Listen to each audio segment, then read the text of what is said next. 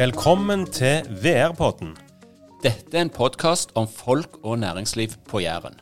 Den er laga av VR, altså Vik og Refsnes, i samarbeid med Klepp idrettslag. Jeg heter Arild Vik og representerer Skarp reklamebyrå. Vi er sponsorer i Klepp idrettslag. Og Jeg heter Einar Refsnes og representerer IKM, som også er en av sponsorene. I denne podkasten skal vi ha samtaler med bedrifter på Jæren som alle er tilknyttet sponsornettverket i Klepp idrettslag. Vi skal bli kjent med hva bedriftene driver med. Vi skal bli kjent med folk og ledere i bedriftene, og hva disse gjør for å lykkes. Dette er en podkast for deg som vil lære mer om næringslivet på Jæren. Dagens gjester er Monica Oliversen og Ida Haaland fra Håla Kjøtt. Monica er daglig leder, og Ida er kjøtthandler og eier. Så Monica, hvordan er det å lede Idar? Det er rett og slett en fest. Han er gin, og jeg er altså da blandemann. Ja, Det er nydelig. De som ikke ser dette, ser at det blir åpna en boks med blandevann. Men fortell, du eh, kom inn i dette sånn etter Ida var i gang. Fortell litt om hvem du er, og hvordan du måtte begynne å jobbe. um, Idar han uh, hadde truffet meg et par ganger, og så ringte han til meg og spurte om jeg var gift med Solabladet. Og i utgangspunktet så hadde jeg jo jobba der i 17 år, og var faktisk godt gift med Solabladet, for min mann jobbet jo òg der.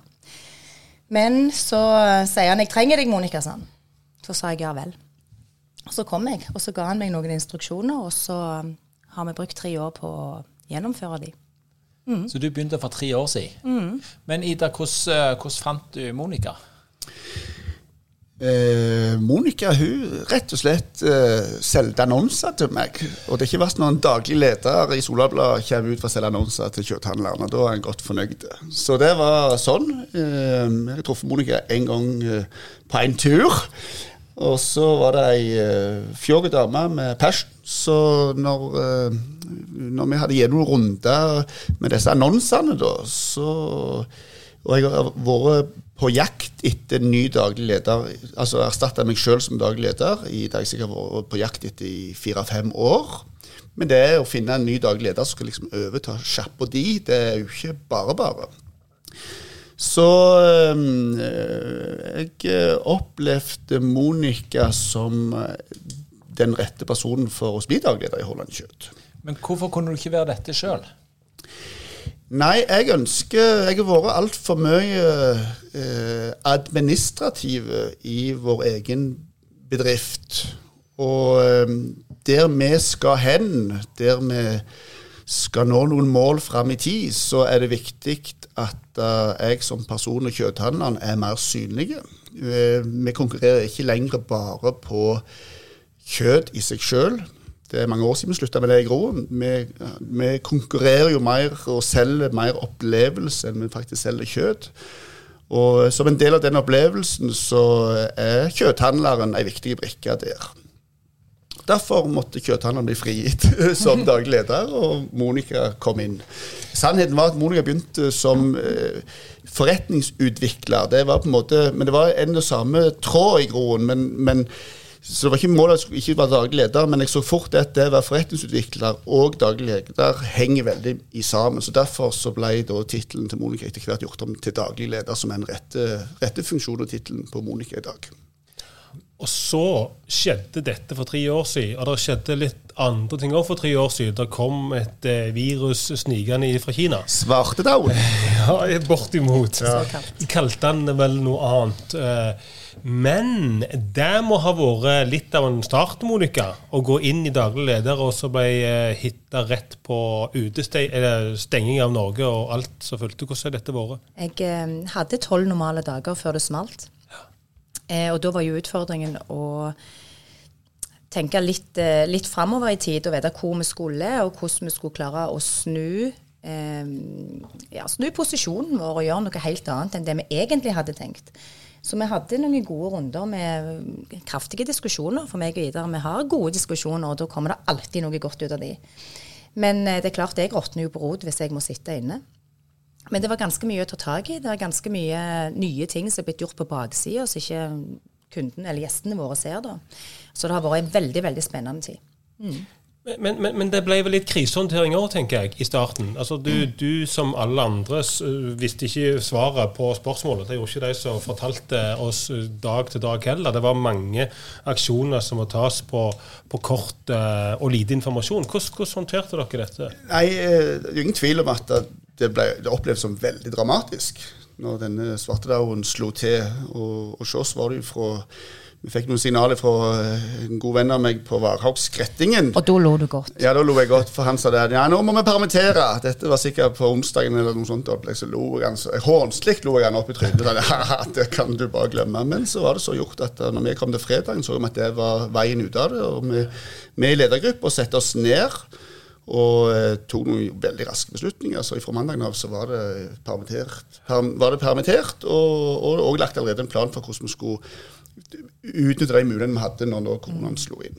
Eh, det, bare tilbake litt til Monica, som akkurat hadde begynt. Det er klart at Hun fikk jo ikke den den oppstarten som jeg hadde forespeilt for henne, og fikk jo heller ikke bli kjent med bedriften sånn som vi var. Og dette med å, å gå inn altså En omorganis, omorganis, en, en, en, endring i bedriften av den karakter vil jo kreve tid. Og, men samtidig så er det ingen tvil om at hun fikk se bedriften på ei annen side. Der ikke alt er lykke og fromme òg med en gang. Så det var jo, tenker jeg, en, I etterkant så tenker jeg at Monica fikk en god start. Jeg gjorde det. For det vi gjorde, det første grepet vi gjorde eh, en ting Når du kommer fra avisbransjen, så vet du at det første som skjer når det er store kriser, da klapper jo folk igjen markedsføringspengene sine med en gang. Og Da sa jeg tidligere at vi skal åpne, vi skal åpne stort, og vi skal ta markedsandeler. For det er nå vi kan gjøre det. Så vi kjørte ja, både nettannonser og helsider og dobla påskesalget vårt. Så vi, nei, det var bare Det var opptur. Ja, veldig, veldig opptur når vi starta å ta markedsandeler. Og det vi jo, har vi jo merka helt fra begynnelsen av korona og helt til nå. Og det, ennå så er vi jo på, på en måte på opptur. Men, men hvis vi tar et steg tilbake igjen, for nå snakker vi jo som om alle vet hvem, eh, hvem dere er, og hva Haaland kjøtt er, og om det er en kjøtthandler med ei øks og selger noen pølse. Men dere er blitt, dere er noe mer enn det. Kan ikke du Monica, fortelle litt om hvem dere er og drifta, og hvor stort dette er blitt? Vi pleier å si at vi ikke er en slakterbutikk, men vi har et helt univers. Så når jeg tar folk inn og forteller hva vi faktisk gjør, så blir de veldig overraska. For én ting er at de kommer inn og ser disken, det er på en måte det obvious. Um, men så går de videre inn i restauranten, eh, og da, når du kan da fortelle dem at her har vi både konserter, og vi har frokoster, og vi har feiringer, og vi har det ene med det andre, så blir de ganske overraska. Eh, I tillegg til det så har vi jo òg hode til hale. Det er jo kjøtthandleren absolutt best på. Kjøtthandler og show i samme setning, da får jeg alltid kjeft. Det er gull i det. Eh, Ikke i orden. Det veldig gull. Um, det er jo den filosofien vi har, at du skal bruke hele dyret. Og da når Ida starta Hode til hale, og vi får inn en hel haug med folk som bare sitter så begeistra Folk kommer inn og tenker 'Hva er det med denne her kjøtthandleren? Han er jo helt syk!' Og får oss til å spise absolutt alt han serverer på bordet. Og noen ganger så får du vite hva du spiser i forkant, og andre ganger så er han litt mer opptatt i å skjenke litt um, Hva du skjenker? Hva skjenker? Ja, si hva du skjenker. Den lille akevitten, den er hemmelig. den- Den må du ikke si til noen. Nei, det skal jeg ikke si. Men, men hvor stor, for, for det er mye ansatte og ganske stor omsetning. Hvor, hvor store er dere nå i 2023? Um, rundt 34 millioner omsetning. Det var i hvert fall det vi hadde i fjor. Eh, Idar han er jo òg litt framsynt. For i 2019 så lagde han jo pølsebua, og alle andre bare lo litt av han.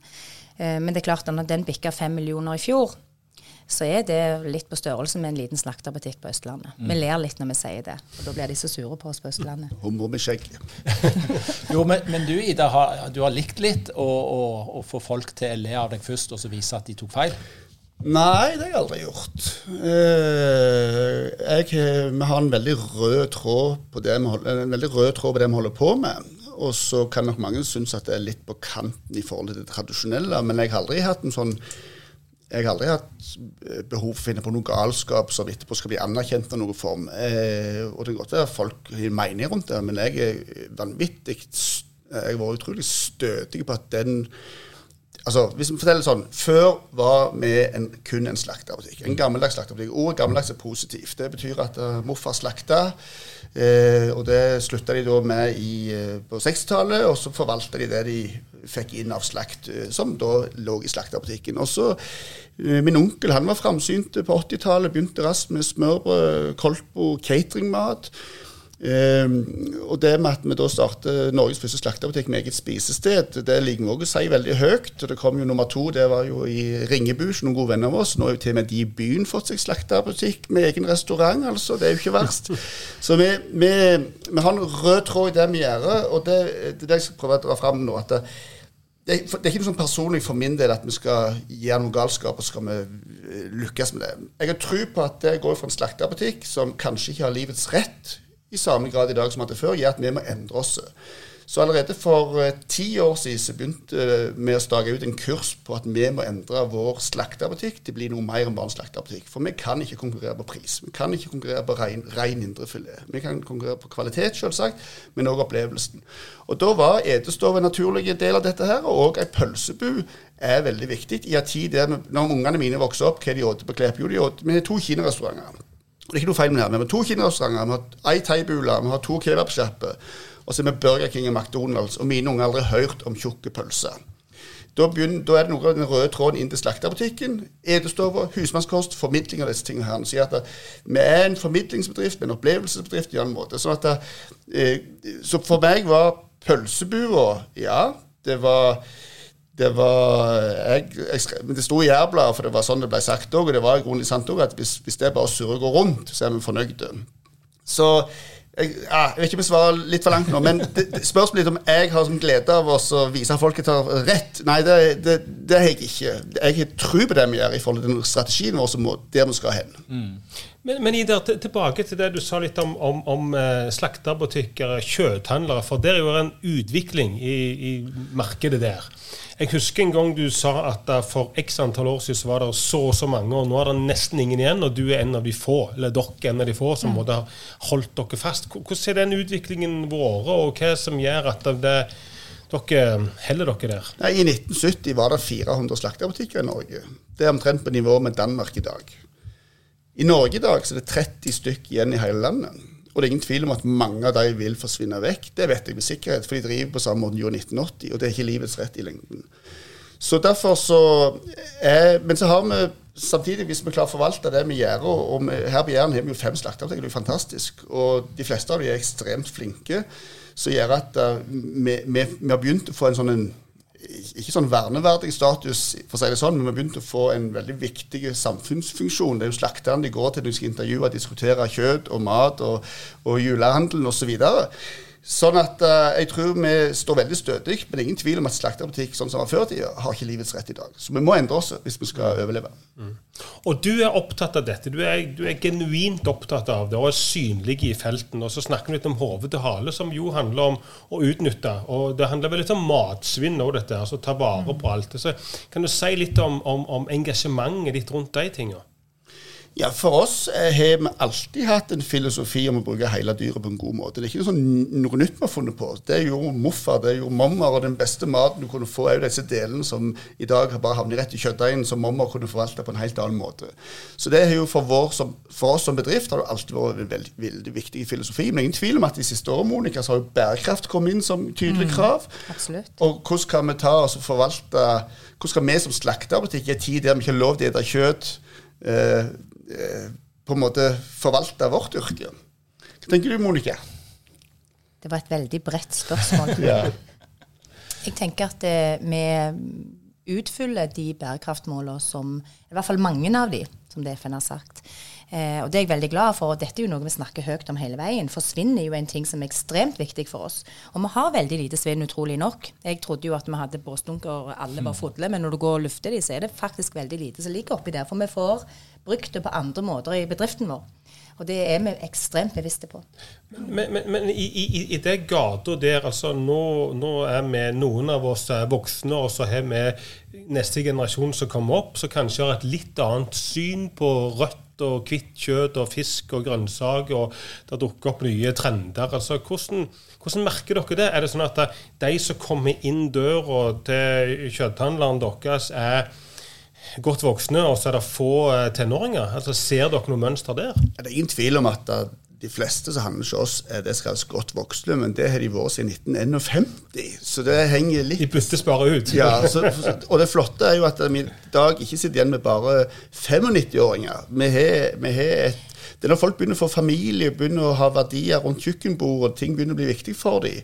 Det handler ikke bare om fastfooden får det gjort, så har vi plutselig en, en viktig funksjon for kommende, de kommende generasjonene. Og der ser vi jo at vi har veldig mange matinteresserte ungdommer. Da snakker jeg altså under, under årsalder. Einar under 45. Ungdom under 45 som er veldig matinteresserte og bruker veldig mye tid og penger på mat i dag, og prioriterer det. Og der har jo vi absolutt en, en, en Det er der vi har fortrinnet vårt. For hos oss kan du komme inn, og så er du veldig interessert i mat, men du kan kanskje ikke så mye om mat. Men du kan komme inn, og så får du de flotte medarbeiderne som står bak disken hos oss, til å lære deg om hvordan du skal ta oss og eh, lage et godt måltid hjemme. Du kjøper ikke bare kjøttet, men du kjøper historien. Ja, vi kan faktisk fortelle historien bak dyret, og det er ekstremt viktig for oss. En ting, Vi snakker om alt skal være kortreist og sånn, og vi har ingenting som er kortreist. For kortreist det har vært i Bergen, og det har vært i Trondheim, og det har vært i Oslo. Men vi har ureist og det snakker kun norsk. Det er ekstremt viktig for oss. Mm. Men, men, men, men, hvordan opptatt er folk i dag? Nå, nå, ser vi jo at kostnadene øker hjemme, eh, renta osv. Merker dere det at vi er opptatt av kvalitet når vi har råd til det, og bærekraft og kortreist og ikke reist, og så når vi har litt mindre penger, så springer vi på butikken og kjøper det fra et annet land? Eller hvordan, hvordan er opplevelsen? Nå, nå sitter vi jo i september 2023. Hvordan hvordan opplever dere dette? Jeg tror at det er et lavprissegment som vi ikke dekker helt. Og det må vi bare være ærlige på. at Vi, vi, har, vi ligger i sånn mellomsjikt, høyt sjikt uh, av kjøpesterke målgrupper. Um, sånn at det, de som søker kun lavpris, kommer ikke til oss i utgangspunktet heller. Uh, I en tid der det er økonomisk trangt, så er det jo ingen tvil om at Eh, folk må prioritere pengene annerledes. Det vi ser hos oss, er at kanskje mønsteret blir litt annerledes. Så vi har en veldig god produktmiks hos oss. Mm. Det, og det hadde Pga. koronaen var et veldig god syretest på det her i forhold til at når vi mista på ett område, alt på catering, alt på gjetestøver, altså vi snakker om alt, så tok vi det igjen i butikken. Og det samme vi ser nå, at eh, OK, kanskje folk er litt mer sparsommelige med pengene på noen områder. men mange kommer til oss likevel og skal ha store grillselskap. Der vi går hjem og griller hos deg. Og det er for så vidt en økonomisk fornuftig sak i forhold til å ta med 30 mann ut på en restaurant. Så vi ser at folk tilpasser seg litt. Så vi, vi, måten vi har en sammensetning av eh, ja, jeg kaller det produktmiksen eller universet vårt. Mm. Det står seg ganske stødig uansett hva tid det er eller ikke. Så det, det er interessant. Vi har mye å spille på. Det er jo det det går på. Det har, eh, under korona så måtte vi jo stenge to tredjedeler av driften vår, så det var, jo, det var jo, krise for oss i det, den smalt. Men så klarte vi å forvalte det på en god måte, og allikevel hente tilbake igjen det vi mista under korona, eller når vi måtte stenge da. Er nå på vei opp igjen. Så, men det er knallhard jobbing. Det er ingenting som kommer av seg sjøl. Du må på en måte være på, du må være ute og fortelle, og du må være entusiastisk, og du må være Du må ha tro, og så må du være et ja-menneske. Kan ikke jobbe med nei-mennesker. Det går ikke. Men jeg tenker akkurat det siste der med entusiasme og ja-menneske tror jeg dere to innfrir veldig bra, de to betegnelsene. Tror, tror du det? Føler meg trygg på det, at det skal gå bra framover. Men det er bare en liten sak i forhold til eh, en, en kjøtthandler. En eh, sted du går inn og kjøper mat. Der gjør uh, mor og far, og det gjør familien. Men bedriftsmarkedet det, jeg, jeg, hører litt at det har begynt å komme litt. Er det, er det i utvikling, er det oppover, eller har det alltid vært et bedriftsmarked? Bedriftsmarkedet er jo eh, bredt. Du, du har jo typen der engro biten som eh, vi alltid Før sto alltid detalj og en gro under en slakterbutikk. Og eh, detalj var jo eh, de vanlige folka, og en gro-markedet det var jo salg til typisk restauranter og andre. Vi har en del på en gro-markedet, men det er ikke et segment vi eh, er best i. For det er veldig mange andre som velger Og når jeg sier best, så er det litt med hermetegn. For de som er best, er de som klarer å gi den billigste prisen. Og der eh, har vi vært veldig tydelige på at det der skal ikke vi. Vi skal levere kvalitet, og så har det en pris med det. Og de som ønsker å ha våre varer, de eh, leverer vi med glede til å gjøre alt vi kan for å være fornøyde. Så har du en annen del av bedriftsmarkedet som er typisk det vi gjør mye av. Vi går veldig mye ut på grillinger. Altså vi, vi går eh, Veldig mange av våre selskapsmatskunder er bedriftsmarked. Eh, og Monica hun er jo ei fantastisk dame til å være med i nettverk og bygge nettverk og se, se nettverk som en annen eh, viktighet enn det jeg gjør. For meg har det vært litt fest og moro og et friminutt. Mens for Monica så har det jo for bedriften så har det en stor betydning. Så bedriftsmarkedet hos oss har jo bare under Monicas tid endra seg kraftig ifra alt det ikke jeg visste vi kunne levere til bedriftsmarked, det klarer vi å levere i dag, takket være Monica. Og Det er jo en mjuk overgang til eh, nettverket her i Klepp. Eh, dere har vært med i mange år, og du har vært med, Monica, sikkert siden du starta. Men hvordan, si noe om hva betyr det, og hvordan bruker dere nettverket her i Klepp? Eh, jeg tenker at når folk blir kjent med folk, og folk blir kjent med folk som er glade, så bygger du top of mind. Og det er jo det du er nødt for å gjøre når du er med i et nettverk. Bygge opp top of mind, og da kan du ikke lene deg tilbake i en stol og tro at folk skal komme og si hei til deg. Du må faktisk være på hele veien. Og det krever noe å være på, for du er på jobb selv om du åpner uh, ginen, Ida. Sant? Blandevannet mitt. Ja, men ja takk. Så uh, du, du, er jo på jobb hele veien. Um, men det er jo gøy jobb. sant? Mm. Det, det, du må jo like å være glad i folk, og jeg er veldig glad i folk. Mm. Jeg liker historier. Jeg liker å høre hvem de er, hvor de kommer fra. Hva vil du dele? Eller deler du? Jeg er veldig glad i delere. Mm. Mm. Så det er klart du bruker jo jeg vil ikke si du bruker det for alt det er verdt, men det er klart at når du blir kjent med noen ned til the core, sant, i hjertet, så er det mye lettere å huske på hverandre. Mm. mm.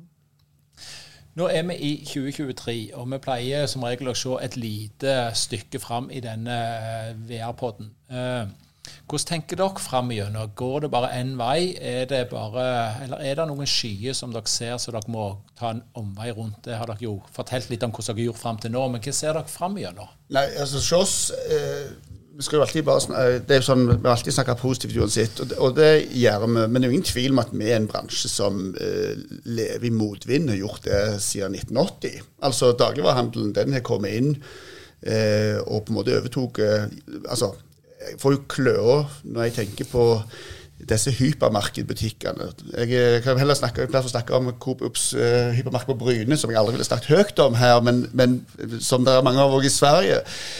Når du går inn og du får kjøpt motorsag og ski og mikrobølgeovn, melk, egg Til slutt finner du kanskje kjøtt i andre enden hvis du er heldig. Bakeri. Du har på en måte tatt vekk alle disse her faghandlerne som er. Så det gjør at, Og dette har vært, dette har vært trenden i 20 år. Eh, så vi som virksomhet, som sagt, hvis du driver med gamle måten, så, så er det mørkt. Eh, så for oss så har jo vi prøvd å snu det med en langvarig strategi som holdt på med i ti år. Og vi begynner jo nå målet vårt med å bygge et univers som har flere deler. Så for fram i tid så er jeg ikke bekymra for oss som virksomhet men jeg sier at det, det, er ikke bare oppgang, det er ikke bare medvind, det er ikke bare soloppganger her. altså. Det er mye hard jobbing og bevisst jobbing for, klar, for å få ut de små marginene som vi klarer å få ut hos oss. Muligheter. Det er bare muligheter. Hele veien muligheter. Men hvor, eh, hva er det neste? Røp. Vi må ha I VR-podden så setter vi krav til at det skal ja. røpes noe, sånn at vi kan si det. Du hørte det først i VR-podden. Ja, altså Ida, han, eh, For et par år siden så snakket han om et sushihull. Hva, Nei, det gjorde jeg ikke. du gjorde det? Ser vi at kjøtt, kjøtt konverteres til fisk? Men jeg, kan røpe noe som ikke var flinke nok til å si høyt. Er du klar? Og, og det, dette er allerede etablert, men det var første gang du får høre det, var nå. Og det er følgende. Vi er altså Klepps eneste kurs- og konferansesenter. Ja. For bak i pølsebua så har vi et møterom. Og det er veldig få som ikke vet om. Så i tillegg til pølsebu, slakteapotek, catering, en gromarked og slakteapotek, så er vi altså kurs- og konferansesenter. Og hvor er overnattingen henne? Den kommer, den kommer på sikt. Det gleder vi oss til. Du, det, denne podkasten eh, hører de jo først på en torsdag, og da er det mest helg. Så da skal vi ha en siste utfordring eh, til kjøtthandlere. Men det er alltid kumle torsdag dere slipper den på. Ja, ja, så da er vi innom til dere og spiser kumle på torsdag. Og så har jeg tenkt å lage til noe godt til helga. Og jeg kommer til kjøtthandleren. Hva er anbefalingen? Er det nå på fredag, vet du? Og hvem skal du ha besøk av? Oi, nå ble det mye. Du må ikke stille sånne spørsmål. jo, jo, for det er hele poenget. Hvem skal du, si, Gi meg et case. Hvem skal du ha besøk av? Skal du uh, prøve å få Ja. uh, sjans på kjerringa, Ja. eller skal du ha kompiser på besøk? Nei, det er alltid det første som er det viktige. Ja. Det høres godt ut. Nei, Da tenker jeg at du skal sørge for å lage ei grevle god eplestappe med mye smør og litt fløte i. Og så skal du imponere kjerringa di med rett og slett uh, kukjake, eller kjake, sleten kjake. Og det er, den sånn seigeste muskelen som finnes på ei ku. og Tygd og tygd og brukt av mye. Og så har vi gjort det for deg. Så vi har altså steikt, kokt denne her, eller steikt den i, i fem, på 85 grader i 16 timer. Den skal du bare sprette opp, ha ildfaste form. Eh, og så varme dette her opp, mens du ikke bruker tid på maten, men bruker tid på kona di. Og så har du en god rødvin hvis du drikker slikt, eller en god rabarbrasaft hvis ikke. Og så legger du alt skyts inn på kjerringa di. Så det er greit hvis du nydusjer, lukter litt godt, har fin skjorte på deg, dekker fint på bordet, og så tenner du lyset. For det vi selger, for å si det rett ut, det er ikke bare maten, det er måltidsgleden. På brystet mitt står det 'måltidsglede siden 1950'. Derfor spør jeg hva du skal gjøre, for du har fått et annet svar hvis du har fulgt med mannfolk osv. Så, videre. så det skal du fikse. Kjake og stappe, stearinlys, nydusje. Da får du kanskje sjanse på kjerringa. Eller, jo Ja, vær så god. Ja, bare en liten digresjon. Vi hadde jo, vi hadde jo annonser på dette i Jærbladet på første sida. Og da sto det så fint 'Kukjager', 179 kroner. Så billige var han òg. Så jeg tenker vi hadde kø i butikken da, så det var, Det var- smilte godt. Det var glemt en bindestrek der mellom ku og kjage. Og hun, hun dama som kom inn litt Jeg tror, jeg tror ikke hun kom inn med humor i blikket, men vi holdt jo på å daue bak disken og lurte på Den her kukjageren, hva, hva er det? Jeg tror dette er tid for landing. Nå er det tid for å lande, for eh, vi kan ikke, vi kan ikke gå lenger enn dette. Det var en magisk Det var avslutning. første gang VR-podden ble litt flaue. Det var i alle. Og det viser iallfall ikke på, på radio, så det går fint. Ikke deila. Eh, tusen takk, eh, og lykke til videre. Hold an kjøtt, begge to. Tusen Tusen takk. takk.